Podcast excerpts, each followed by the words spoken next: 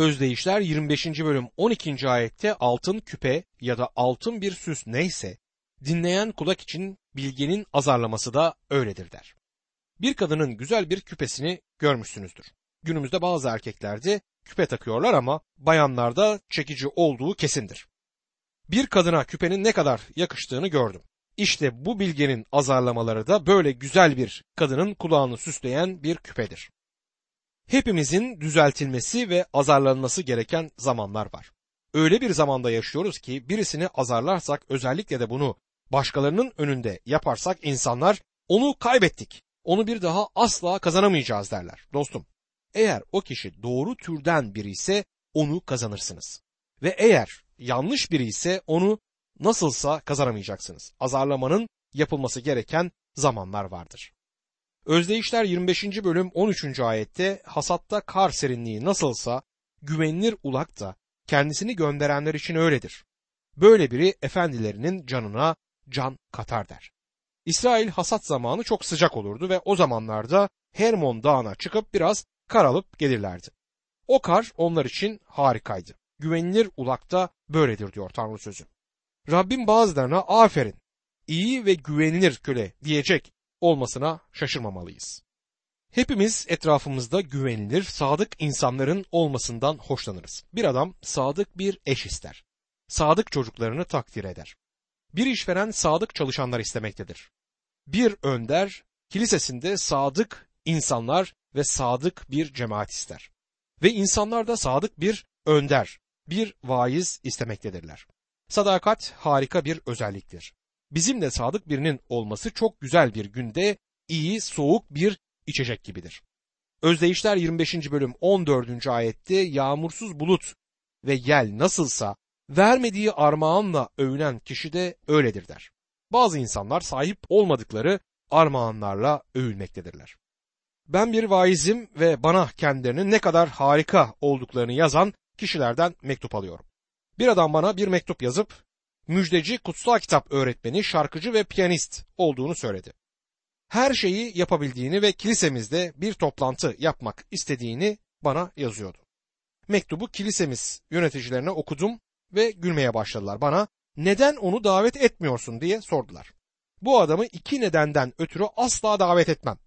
Birinci neden eğer söylediği türde biri ise topluluğumuz onu dinledikten sonra bir daha beni dinlemeyi istemez.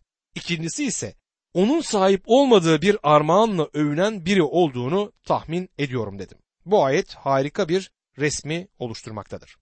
Ve bu son günlerde yaşayan dinden dönenlerin bir resmini de ortaya koyar. Yahuda bunları çok iyi bir şekilde tanımlamaktadır. Onlardan yağmursuz bulutlar, meyvesiz meyve ağaçları gibi olduklarını, köpüğünü savuran denizin vahşi dalgaları gibi ayıplarını etrafa savurduklarını Yahuda 12 ve 13'te bahseder. Özdeyişler 25. bölüm 16. ayette bal buldun mu yeteri kadar ye, fazla doyarsan kusarsın der. Eski antlaşmada bal doğal tatlılığı anlatmaktadır. Ekmek ya da yemek sunusuna bal katılmasına izin yoktu çünkü o sunu İsa Mesih'in insanlığını temsil ederdi. Onda doğal tatlılık yoktu. Çok tatlı olan, sizi hasta edecek derecede tatlı şeyler söyleyen birisiyle bilmiyorum hiç karşılaştınız mı? Burada ne söylediğine dikkat edin. Çok fazla bal yemeyin çünkü sizi hasta eder.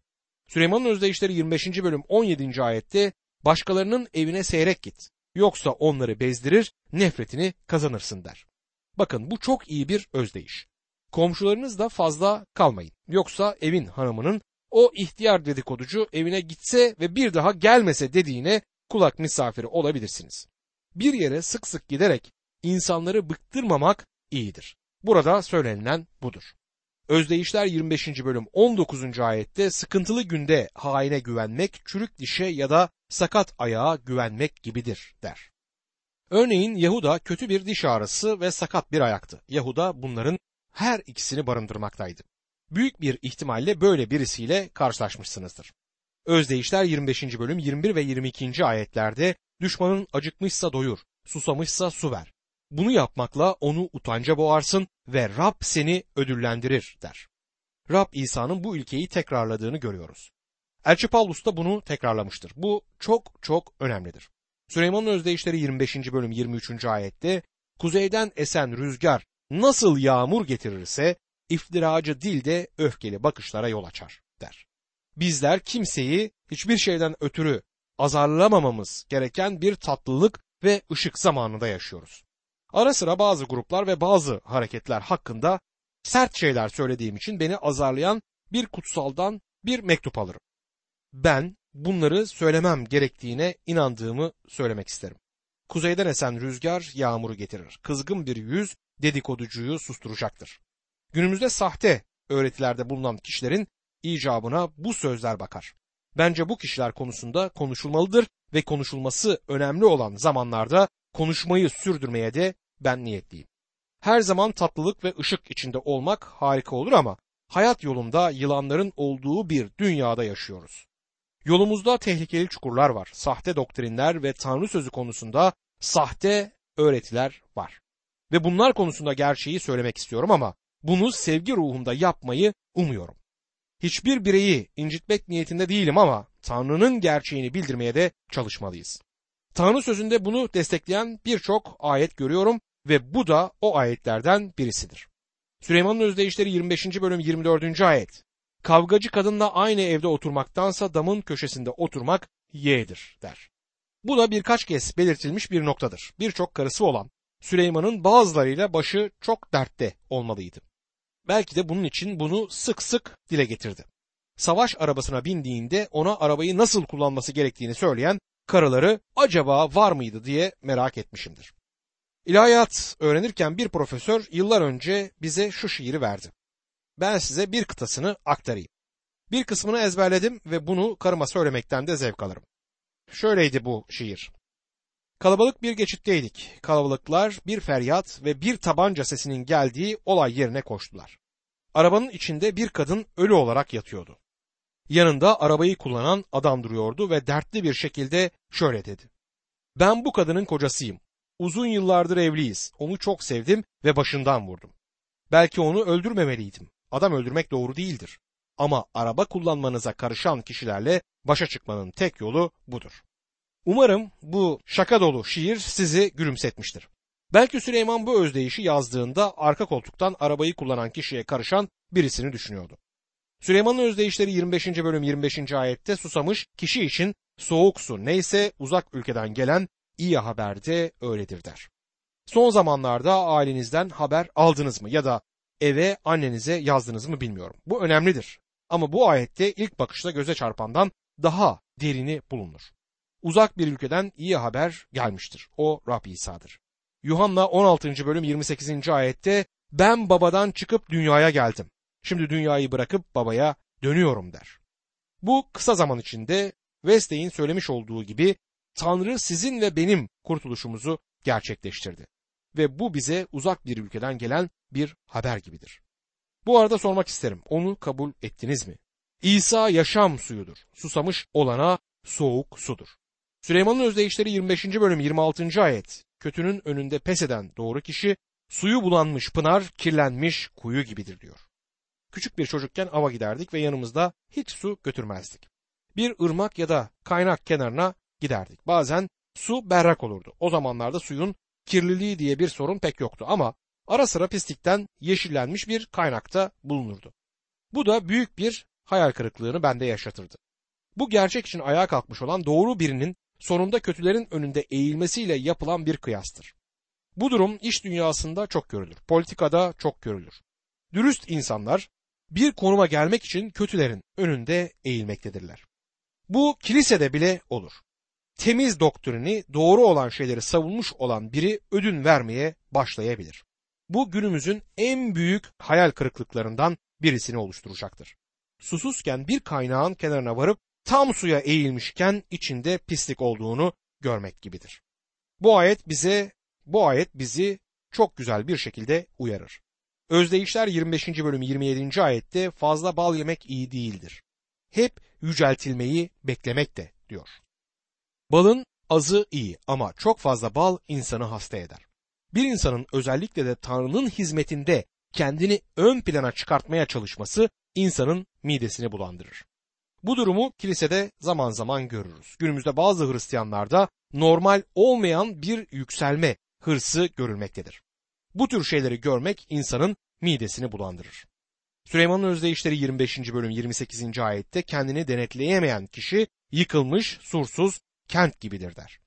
Bu duygularını kontrol altında tutamayan, öz denetimi olmayan birinden söz etmektedir. Ve öz denetimin ruhun bir meyvesi olduğunu da biliyoruz. Bazen hislerimizi bildirmemiz gerekir. Bazen bir şeyi savunmamız ve duygularımızla konuşmamız gerekir. Ama dostum, kendi ruhlarımızı denetleme gereksinimimizi de kabul etmeliyiz. Süleyman'ın özdeyişleri 26. bölüm akılsızlıktan söz eder. Kutsal kitap özellikle de Süleyman'ın özdeyişleri akılsız hakkında çok fazla söz söyler. Bu zihinsel özürlü birinden söz etmemektedir. Tanrı aklı noksan ya da akıl hastalığı olan birinden söz etmez. Tanrı'nın sözünü ettiği kişi çok zeki olabilir. Hatta bir profesör diploması bile olabilir. Davut 14. mezmur 1. ayette akılsız içinden Tanrı yok der diyor. Akılsız zeki olduğu halde ateist olan birisidir. İbranice'de akılsız için kullanılan sözcük delidir. Tanrı yok diyen adam delidir diyor kutsal kitap. Aile içi evliliklerden bazen çok zeki çocuklar doğabildiği gibi akıl özürlü çocuklar da doğabilir. Vaizlik yaptığım kilisenin ilk günlerinde aile içi pek çok evlilik yapmış bir ailenin kızıyla toplumumuzdaki kişilerden bir tanesi evlenmişti. Bunun sonucu olarak aile içi evlilikler yüzünden belirli özürler taşıyan çocukları olan aileler tanıdım. Ama aynı zamanda aile içi evlilik yapmış ancak çocuklarında hiçbir etki olmayan aileleri de tanıdım. Rab birisine akılsız derken söylemek istediği şey bu değildir. Rab kendisini reddeden birinden söz eder. Tanrı buna delilik ismini verir. Özdeyişler 26. bölüm 1. ayet yaz ortasında kar, hasatta yağmur uygun olmadığı gibi akılsıza da onur yakışmaz der. Akılsızın özelliklerinden biri onurunu kurban etmeye aldırmamasıdır. Aslında bir onuru da yoktur. Özdeyişler 26. bölüm 2. ayet öteye beriye uçuşan serçe ve kırlangıç gibi hak edilmemiş lanette tutmaz diyor. Bazı şeylerin gerçekleşeceği hakkında kehanetler her zaman yerine gelmeyecektir. Bu arada günümüzde sözde peygamberler olduğunun altına çizmek lazım. Bizlere sürekli olarak bundan sonraki birkaç yıl içinde neler olacağını söylerler. Bunlardan bazıları gerçekleşebilir bu doğrudur ama bilgilerini Tanrı'dan almayabilirler. Çünkü bazen söyledikleri doğru çıkmaz. Ve Tanrı'nın peygamberi hiçbir zaman doğru olmayan bir şey yaratılış 18. bölüm 20 ila 22. ayetlere göre söylemez. Özdeyişler 26. bölüm 3. ayet ata kırbaç eşeğe gem akılsızın sırtına da değnek gerek der. Bu iyi bir özdeyiştir. At ve eşek eğitilebilir. Eğitime yanıt verirler. Bir akılsızın karşılık vereceği tek şey gerçek disiplindir.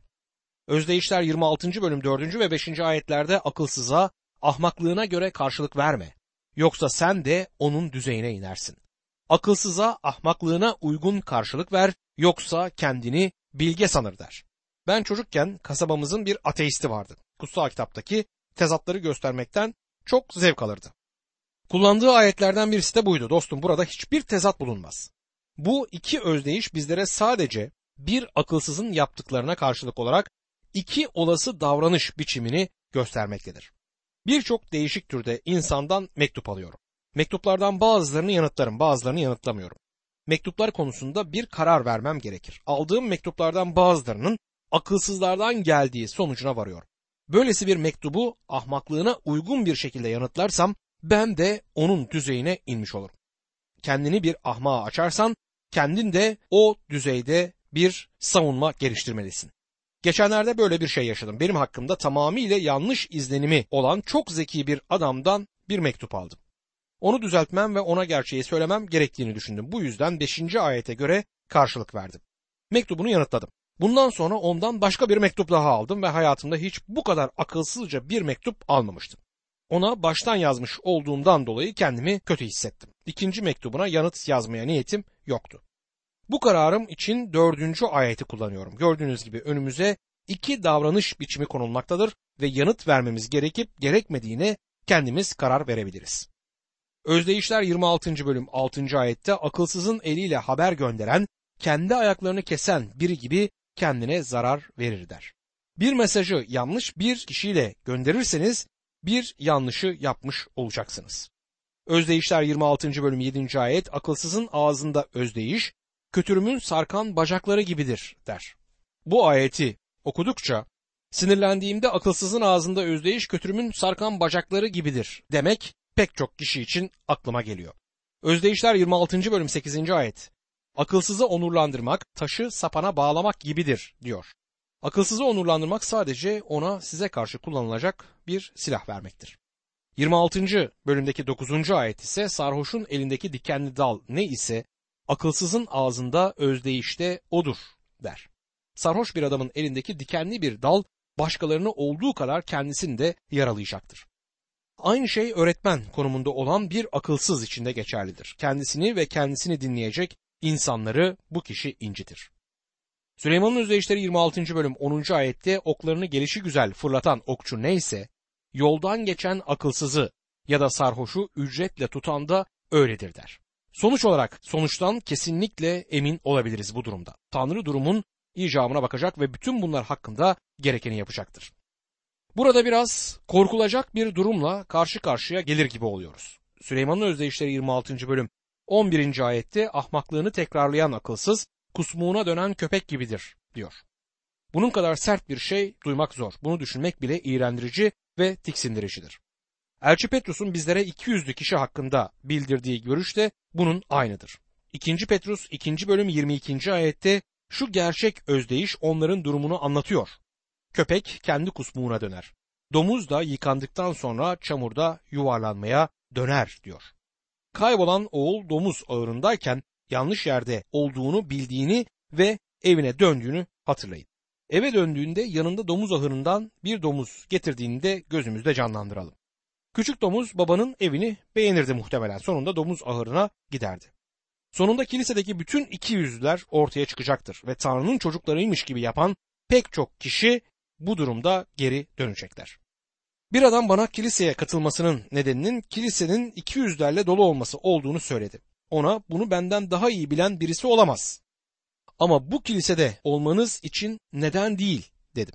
Bir iki yüzlünün arkasına saklanamazsınız. Orada olup gerçek olanı göstermeniz gerekir diye karşılık verdim. Kilisedeki iki yüzlük hakkında daha önce de konuştum ve bundan söz etmemden hoşlanmayan kişilerden bu konuda mektuplar alıyorum. Ama kutsal kitap inanlı için güvenlik olduğunu söyler. Ayrıca inanlı numarası yapanlar için de güvensizlik vardır. Bu özdeyiş iki yüzlerden söz eder. Süleyman'ın özdeyişleri 26. bölüm 12. ayette kendini bilge gören birini tanıyor musun? Akılsız bile ondan daha umut vericidir der. Akılsızdan daha kötü olan biri varsa o da kendisi hakkında yüksek düşüncelere sahip megalomandır. Süleyman'ın özdeyişleri 26. bölüm 20. ayette odun bitince ateş söner, dedikoducu yok olunca kavga diner der.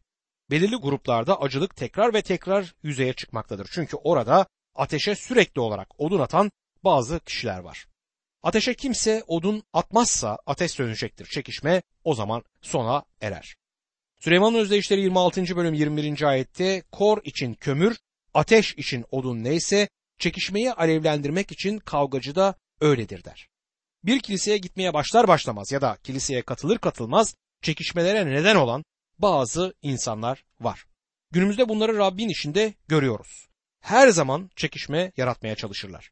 Bu kişiler sürekli Tanrı sözüyle ilgilenmeye çalışır gözükmelerine rağmen aslında hiçbir zaman Tanrı sözüyle gerçekten ilgilenmezler. Süleyman'ın özdeyişleri 26. bölüm 22. ayette dedikodu tatlı lokma gibidir. İnsanın ta içine işler diyor. Bunun daha iyi bir çevirisi şöyledir. Dedikoducunun sözleri güzel yiyecekler gibidir ve insanın karnının içine işler. İnsanlar o seçkin dedikoduları duymak istemektedirler. Bunları duymaktan hoşlanırlar ama bunları hazmetmek biraz zordur ve sonunda onları hasta edecektir. Gerçek Tanrı çocuğu çirkin olan şeyleri duymayı istemez. Şimdi burada önümüzde iki yüzlük hakkındaki en uzun ve en sert parçalardan biri var. Bu Tanrı halkı arasındaki iki yüzlükten söz eder. Süleyman'ın özdeyişleri 26. bölüm 23 ila 28. ayetler. Okşayıcı dudaklarla kötü yürek, sırlanmış toprak kaba benzer. Yüreği nefret dolu kişi sözleriyle niyetini gizlemeye çalışır ama içi hile doludur. Güzel sözlerine kanma çünkü yüreğinde yedi iğrenç şey vardır. nefretini hileyle örtse bile kötülüğü toplumun önünde ortaya çıkar. Başkasının kuyusunu kazan içine kendi düşer. Taşı yuvarlayan altında kalır. Yalancı dil incittiği kişilerden nefret eder. Yaltaklanan ağızdan yıkım gelir diyor. İsa Mesih'e imanı meslek edinip de gerçekte Tanrı'nın çocukları olmayan insanlar var. Bunlara iki yüzlü diyoruz çünkü olmadıkları bir şeymiş gibi davranmaya çalışırlar. Bunlar sahtekarlardır ama sahte bir şeyin gerçek, değerli bir orijinali olması gerektiğinden bunun kilisenin içinde ya da dışındaki insanları rahatsız etmemesi gerekir. Bildiğim kadarıyla kimse kuruşların ya da fazla değeri olmayan kağıt paraların sahtesini yapmaz. Daha yüksek değeri olan kağıt paraların sahtesi yapılıyor. Sadece değerli olan şeylerin sahtesi vardır. Bu yüzden sahte Hristiyanlar görmek bizi şaşırtmamalıdır. Bu özdeyişler iki yüzlüyü tanımlar ve ona karşı uyarılarda bulunur. Burada uyarılan kişi iki yüzlü adamdır. Size iltifatlar eder ama yüreğinde sizden nefret etmektedir. İnsanların yaraladıkları kişilerden nefret etmeleri çok görülen bir durumdur der düşünür. Doktor Ironside bunu şu şekilde dile getirir. Başka birisine karşı yanlış bir şey yapmış olmanın bilinci içinde ve bunu itiraf etmeme azminde olan iki yüzlü biri yüreğinde yanlışlığının hedefi olan kişiye karşı nefret saklayacaktır. Böyle birisi zavallı hislerini saklamak için dudaklarıyla yaltaklanacaktır. Halbuki bütün bu zaman içinde kurbanının yıkımını planlamaktadır. Kutsal kitapta yaltaklanma ve iki yüzlüğe örnek olarak Haman'ı görürüz. Nasıl yaltaklandığını hatırlayın. Bu adam tahtaki kraliçe dahil bütün bir halkı yok etmeyi planlamaktaydı. Kötü bir adamdı. Krala yaltaklanıyordu. Buna karşın onu tahtından indirmeyi planladığı açıktır. İki yüzlülük Hristiyan çevrelerinde de görülür. Bunu kabul etmemiz gerekir. Bunu saklamaya çalışmanın pek bir yararı yok. Büyük bir olasılıkla dünyada kilisede olduğu kadar üstü örtülü şey yoktur. Bizler kilisede hiçbir yanlış yokmuş gibi davranmaya çalışıyoruz. Eğer onu görmezlikten gelirsek geçeceğini düşünmekteyiz. Birisi kilisede iki yüzlük olduğu gerçeğini dile getirirse kendimizi yenilmiş hissediyoruz. Bazen eğer kendi yüreğimizde bu acılık kökünü görüp orada olduğunu kabul etsek bile kendimizi yenik hissetmemiz mümkündür. Hristiyanların bu günahlarını görmeleri gerekiyor ve Süleyman'ın özdeyişleri bunları görmemizde bize yardımcıdır.